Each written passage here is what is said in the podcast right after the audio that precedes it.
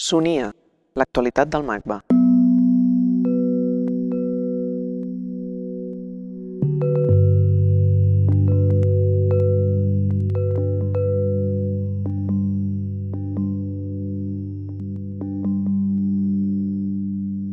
L'última presentació de la col·lecció MACBA ofereix en tres capítols un recorregut per la relació que s'ha establert al llarg del temps entre pràctica artística i condició urbana.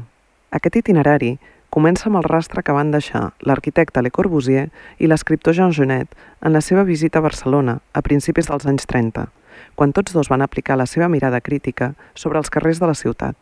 L'eix central de la mostra presenta Portfoli Office Barroc, 46 obres que documenten els cèlebres Building Cats, talls i extraccions efímeres en edificis realitzats per Gordon Matta Clark als anys 70, així com la sèrie de dibuixos Skyhooks, del 1978. El recorregut es tanca amb l'última pel·lícula de Roberto Rossellini, una cinta de 54 minuts en què es recullen les reaccions del públic davant l'obertura del Centre Pompidou. El film no va mereixer l'atenció del públic de l'època, però s'ha convertit en un exercici que posa en relleu la relació entre museu i entorn urbà, en un moment en què l'accés a la cultura es democratitza a causa de la massificació. Bartomeu Marí, Carles Guerra, Harold Berg i Renzo Rossellini aprofundeixen en aquest diàleg de la col·lecció MACBA tres bandes. Les anarquitectures de Gordon Matta Clark La condició urbana de l'art Bartomeu Marí, director del MACBA. Gordon Matta Clark és un artista que ens parla de la condició urbana de l'art. Sabeu també que les nocions d'arquitectura, d'urbanisme són centrals des de fa molt de temps en els relats del museu, però en aquest cas el material fonamental de la seva obra, sent precisament els edificis com objectes sobre els quals intervenir, va encunyar un terme que des del seu moment funciona com una crítica de la modernitat i funciona com una crítica de la forma, que és la anarquitectura. És una crítica molt forta al formalisme i a la ortodoxia del moviment modern. Mata Clark va fer canviar profundament el que és la noció d'escultura en el seu moment i el que és la noció també d'art. Crec que l'hem de veure precisament fent un moviment oposat a lo que era la fugida dels artistes dels anys 70 cap a la natura, cap al, land art, cap al anar-se'n de la ciutat i trobar-se, utilitzar la natura com a matèria fonamental del seu treball, Mata Clark retorna a la ciutat i la fa protagonista de tota la seva reflexió i la seva aportació estètica i ideològica. L'obra de Mata Clark és present en aquesta exposició a través d'un grup d'obres que conformen el Portfoli Office Barroc i que és un llegat, un dipòsit que prové de la col·lecció Lata i que reuneix, a part d'una sèrie de dibuixos i obres fotogràfiques, un conjunt excepcional de fotografies que documenten l'obra de Mata Clark i que el mateix Mata Clark havia anat enviant a Florbex, en aquell moment director del ICC, la institució que li va encarregar i li va produir una de les seves últimes obres, probablement una de les més ambicioses i que es diu Office Barroc. Per això li diem portfoli Office Barroc. Office Barroc com a punt d'inflexió. Carles Guerra, conservador en cap i comissari de l'exposició. Gordon Mataclark és aquell artista que no sols anirà a viure als lofts del downtown de Nova York, del Soho, que a partir de l'any 67 gaudeixen del privilegi d'una llei municipal, que no era altra que la Multiple Dwelling Law, l'article 7b, que permetia als artistes ocupar espais abandonats com fàbriques, però no pas als homeless, no pas als sense sostre. Per tant, Gordon Mataclark formar part ja d'aquesta cultura en la que l'art constitueix un ingredient de revalorització urbana i ocuparà aquells llocs que han perdut tot el valor i que estan a punt de passar a adquirir un altre valor o estan en, una valor, en un moment de transició de valorització immobiliària. El dipòsit eh, que Harold Bert deixa al MACBA, la enorme seqüència de més d'una quarantena de fotos, permet veure aquesta mena de catàleg, d'espectre de possibilitats que Gordon McClar portarà a terme en els anys 70. Però si ens hem fixat sobretot en Office Barroc, que és la intervenció que dona peu a la constitució d'aquest portfoli, és perquè constitueix un punt d'inflexió en la carrera d'aquest artista, un punt d'inflexió que farà que en seguida comenci a pensar en deixar de considerar que el centre de gravetat de l'arquitectura o de l'habitatge o de la propietat està a la terra i concebrà que aquest punt de gravetat està fora està en l'aire. El centre està sempre en moviment. Harold Berg, col·leccionista i artífex de la col·lecció Lata. Office Baroque es un poco como Gordon Matta Clark. Mientras más vas descubriendo pequeños detalles, más vas entendiendo qué es lo que había detrás de su manera de funcionar y de su manera de, de trabajar. Otra de las piezas que hay ahí en la exposición es una pequeña fotografía de, que se llama Bronx Floors, que es del año 71, que seguramente es de las primeras intervenciones estructuradas en edificios que hizo Mata Clark. Una persona que estuvo con él en esa intervención, que sigue vivo, que se llama Richard Nonas, me hizo un par de comentarios una vez que intentaban bajar el nivel de sobreintelectualización que hay en torno a la obra de Mata Clark. Richard dice, Mata Clark era una persona mucho más simple de la que los expertos intentan pintarlo hoy. Él decía, Gordon estaba siempre jugando, siempre estaba en movimiento, saltaba de un tema a otro y siempre establecía conexiones. Su visión, decía Nonas, es que el centro estaba siempre en movimiento, no era nunca algo fijo. Y eso seguramente es algo muy interesante para profundizar y para entenderlo. Yo creo que hoy Mata Clark es más relevante que nunca, sobre todo en estos tiempos de dificultad. Era alguien que trabajaba con una economía de medios impresionante, era alguien que luchaba contra todas las dificultades y sabía amoldarse muy muy bien a ellas, y era un hombre tremendamente humano. En esto de amoldarse a las dificultades, cuando él escribe su primera carta a Flor Bex, y están hablando de la posibilidad de hacer Office Baroque, él le dice, Flor, mi manera de trabajar es conformarme con lo posible y al mismo tiempo ampliar el concepto de lo posible.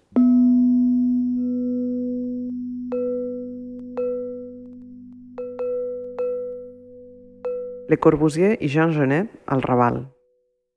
Desfer la tradició per aixecar un món nou. Le Corbusier o Jean Genet que als anys 30 visiten Barcelona i visiten el Raval responen a aquesta relació amb el barri d'una manera molt diferent. Le Corbusier ens proposa arrasar completament fer net, com es diria en termes de neteja. Pensem que els pensaments o les idees higienistes de l'època són molt importants i proposa arrasar un barri degradat per aixecar una ciutat lineal en un gest típic de l'ideologia moderna que és fonamentalment desfer la tradició per aixecar un món nou. Jean Genet, per la seva banda, ens parla d'una altra experiència del Raval a través de la seva novel·la El diari del lladre i recomposem amb veus com ara Sebastià Gasc o els treballs del Gatepac aquesta visió entre higienista i vitalista que el Raval ha cultivat. José Luis Guerín ens permet també d'oferir una visió molt més propera a nosaltres d'aquesta relació del barri en el moment en què es comença la renovació del Raval i fonamentalment també ens dona peu a la figura de Le Corbusier, Jean Genet, introduir les referències dels artistes que a la col·lecció MACBA ens parlen d'aquest moment històric d'avantguardes com són Calder, com són Dalí, com són Torres Garcia i com són també unes obres de Tàpies i Brassai que ens permeten parlar també de la pell de la ciutat i de l'escriptura en les seves parets. Barcelona, ciutat canalla. Barcelona és coneguda a l'època com una ciutat que tanca en el seu interior un barri com el barri Chino i que entra en una xarxa de ciutats canalles, eh, degradades, eh, de xarxes de prostitució, de xarxes de màfia, i aquesta és una reputació que lluny de convertir-se en un estigma es convertirà en un atractiu turístic. D'alguna manera que farà la ciutat interessant perquè això vol dir que és una ciutat plena de vida, plena de moviment. Per tant, partim d'alguna manera d'una realitat urbana, d'una condició urbana, que és a la vegada molt degradada, que està marcada per una degradació física, urbana i moral, és a dir, una doble degradació molt típica de la modernitat, enfront de la qual Le Corbusier se sentirà temptat d'oferir-se a col·laborar amb el GATPAD per una renovació total, de caràcter higienista. La seva proposta consistia ni més ni menys en esborrar la part baixa del que ara coneixem com a Raval, aleshores Barrio Chino, i que és una que veurem clarament en el diorama dibuixat a l'any 34, presentat a l'exposició que va tenir lloc a sota de plaça Catalunya, dibuixat per Josep Torres Clavé, el que era aleshores el degà d'arquitectura i que moriria durant la Guerra Civil, i eh, aquest diorama, en certa manera, ambiciona una visió global de la ciutat, però és una visió des d'un punt de vista elevat, és a dir, el punt de vista baix, baix no només pel punt de vista arran de terra, sinó baix moralment, és el que representarà Jean Genet entre el 33 i 34, passa mesos a la ciutat com un homosexual, un criminal, en fugida de les institucions penitenciàries franceses. Qui vulgui conèixer en detall aquesta experiència de Jean Genet només tindrà que llegir una novel·la extraordinària, almenys en el que és el llegat de la llengua francesa, com és Journal du Voleur, el diari del lladre, una novel·la que en manera relata punt per punt els dies passats en aquesta ciutat i en altres ciutats europees, però sempre amb aquesta intenció de redimir els aspectes més abjectes de la ciutat. Per tant, pensàvem que aquí teníem una modernitat dual, no gens simple, no gens monològica, sinó més aviat conflictiva. Aquesta dualitat, aquesta justa posició, aquesta irresolució de què és la ciutat, que és un pla futur, sanejat, o és una ciutat plena d'experiència, tot i que abjecta, algo que veureu només entrar tota una sèrie de materials de caràcter mediàtic, perquè a l'època, a finals dels 20 i els 30, seran els anys que Barcelona coneixerà una gran explosió pel que fa al reporterisme. El reporterisme no era altra cosa que una mena de reporters, d'aventurers de la ciutat, que s'endinsen en el barri xino i càmera en mà i carnet a la mà també documenten aquest espai de cabarets com la criolla, citats a la novel·la Jean Genet, de màfies, de tràfic de dones, és a dir, és un espai de degradació.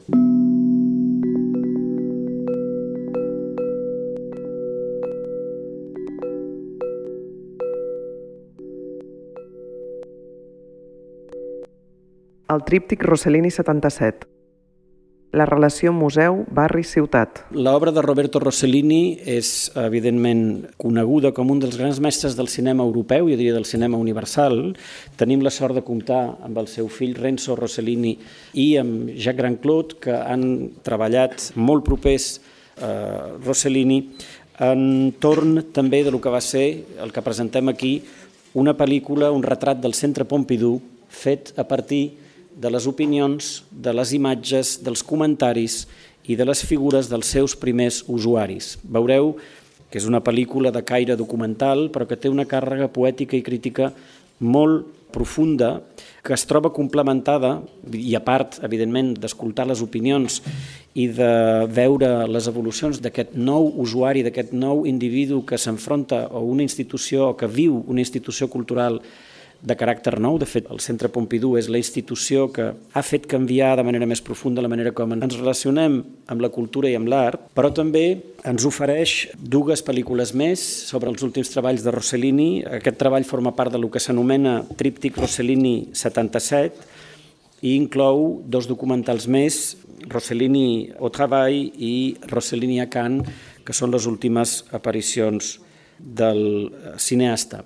Una última obra sobre aquest projecte es veu, es pot percebre la torre, ja sabeu que el món del so i el món de la veu humana eh, ens preocupa fonamentalment en la programació i en l'àmbit de la col·lecció MACBA i a la torre hi ha un muntatge sonor, un treball sonor, que són precisament les veus durant més de 20 hores d'enregistrament d'aquest visitant del Centre Pompidou, d'aquest individu que entra en una nova institució i que entra en una nova relació en la cultura que d'una banda ja sabem que pels debats que sorgeixen en aquell moment es troben entre la democratització i la banalització de la cultura. Un exercici de crítica cultural. La pel·lícula de Roberto Rossellini. És una pel·lícula que crec que, més enllà d'un mer documental, es convertirà en un exercici de crítica cultural. És a dir, Rossellini rebrà l'encàrrec del Ministeri d'Assumptes Exteriors i serà possible gràcies a la producció de Jacques Grandclot i de la Comunitat Creació Nef Informació, un grup de treball creat al Caire del maig del 68 que acompanyaran a Rossellini en aquesta producció, que lluny de ser una producció documental, lluny d'acabar sent el que hagués pogut estar un documental corporatiu, doncs Rossellini emprarà el gran aparell cinematogràfic per filmar el que era una institució de nou signe innovadora com el Bobur, amb travelings, amb zooms de tecnologia més avançada, amb una planificació de plans pròpia d'una pel·lícula de ficció com les que havia realitzat en els anys anteriors. Per Rossellini, filmar el Boburg era en principi l'oportunitat de compartir l'experiència, la promesa d'una institució que prometia el mateix que Rossellini havia estat buscant durant els últims anys de la seva vida, és a dir, una institució que fes accessible l'alta cultura a les masses, que universalitzés la cultura humanista. Però Rossellini ben aviat se sentirà decepcionat i Rossellini trobarà que el Pompidou s'ha acabat convertint en un lloc on es gestionen les masses. Ho veureu en les imatges de l'obertura de les portes, quan la gent espera fora, igual que les rebaixes del Cort Inglès, obren les portes i la gent s'escampa pel centre i aleshores és un problema pels guardes, per contenir la circulació, per ordenar-la. Per tant, Rossellini acabarà configurant un document escèptic i no pas celebratori. Cal dir que en la mateixa època Claude Mollard, el que era secretari general del Centre Georges Pompidou, també va encarregar una primera avaluació d'aquest gran monstre, d'aquest nou model d'equipament, al gran sociòleg que era Pierre Bourdieu. Pierre Bourdieu va concloure igualment de manera escèptica que allò bueno, estava bé, però que allò s'havia convertit en un temple de masses, que el que era cultura, cultura, bueno, bé. I el que més valorava Bourdieu era precisament la biblioteca, que en virtut dels seus horaris permetia, com qui diu, concebre-la com si fos una biblioteca universitària i nocturna i per tant això sí que acomplia d'alguna manera els objectius d'obrir la cultura a una classe treballadora que empra el dia treballant i que en canvi en les hores lliures podia anar a formar-se. Per tant, aquest tríptic Rossellini és un tríptic perquè no només presentem la pel·lícula de Roberto Rossellini, sinó que presentem les imatges del seu procés, com Rossellini comparteix experiència i coneixements amb els seus companys d'equip, entre els quals cal destacar Néstor Almendros com a director de fotografia i veure que hi apareix, doncs hi presentem dos documentals afegits que són Rossellini au Treball, que com dic, és gràcies a Jacques Grandclot que podem eh, seguir el seu moviment per les sales i també l'Ecoloc de Can, on Rossellini, curiosament, parlarà molt sovint de crisi l'any 77, d'una crisi que era econòmica però que també era una crisi de caire cultural. Hem afegit en aquest tríptic, que, composat sovint per la pel·lícula Rossellini Treball i l'Ecoloc de Cans, 10 hores d'enregistraments sonors que les presentem totalment despullades. Són les 10 hores d'enregistraments sonors que Rossellini realitza a les sales del Pompidou per intentar entendre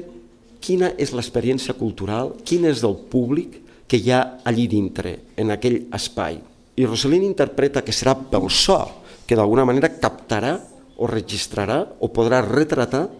aquestes noves audiències. Aquí tenim una intuïció, jo crec que molt interessant, en el fet que, en certa manera, aquestes experiències populars, massives, no tenen inscripció sovint en els grans centres culturals, fins i tot com aquest, sinó que hi ha un problema pendent a resoldre que és com donar-los una representació. I Rossellini opta per la seva parla, per la seva parla a vegades, o pels seus comentaris a vegades espontanis, desinformats, a vegades de caràcter hilarant, però que representaran al públic. Una ajuda per a comprendre el món. Renzo Rossellini, fill de Roberto Rossellini, productor y director de cinema. Mi papá era alguien que ayudaba a comprender, no estar prisionero de un prejuicio, ma ir mirando adelante con fuerza e inteligencia. Por esto se concentró mucho para hacer esto documental, donde no había ninguna ficción, era mostrar las cosas del centro Pompidou, del barrio donde se estaba construyendo, el documental empieza mostrando un poco el barrio, las casas, la gente, a las ventanas, también oír los sonidos de la gente que se habla de una ventana a otra en un barrio popular. Y dentro de esto monumento que se estaba construyendo, entra dentro questo monumento e lo mira, también un poco sorpreso. L'arte dello anno 77 non era la che él conosceva, así. Él stava nel mismo tempo apprendendo algo e come aveva l'umiltà di sapere che tenía che apprendere sempre, perché diceva come Socrate che l'unica cosa che él sapeva era di non saper, así stava molto curioso e con questa curiosità hizo este documental que es su última obra.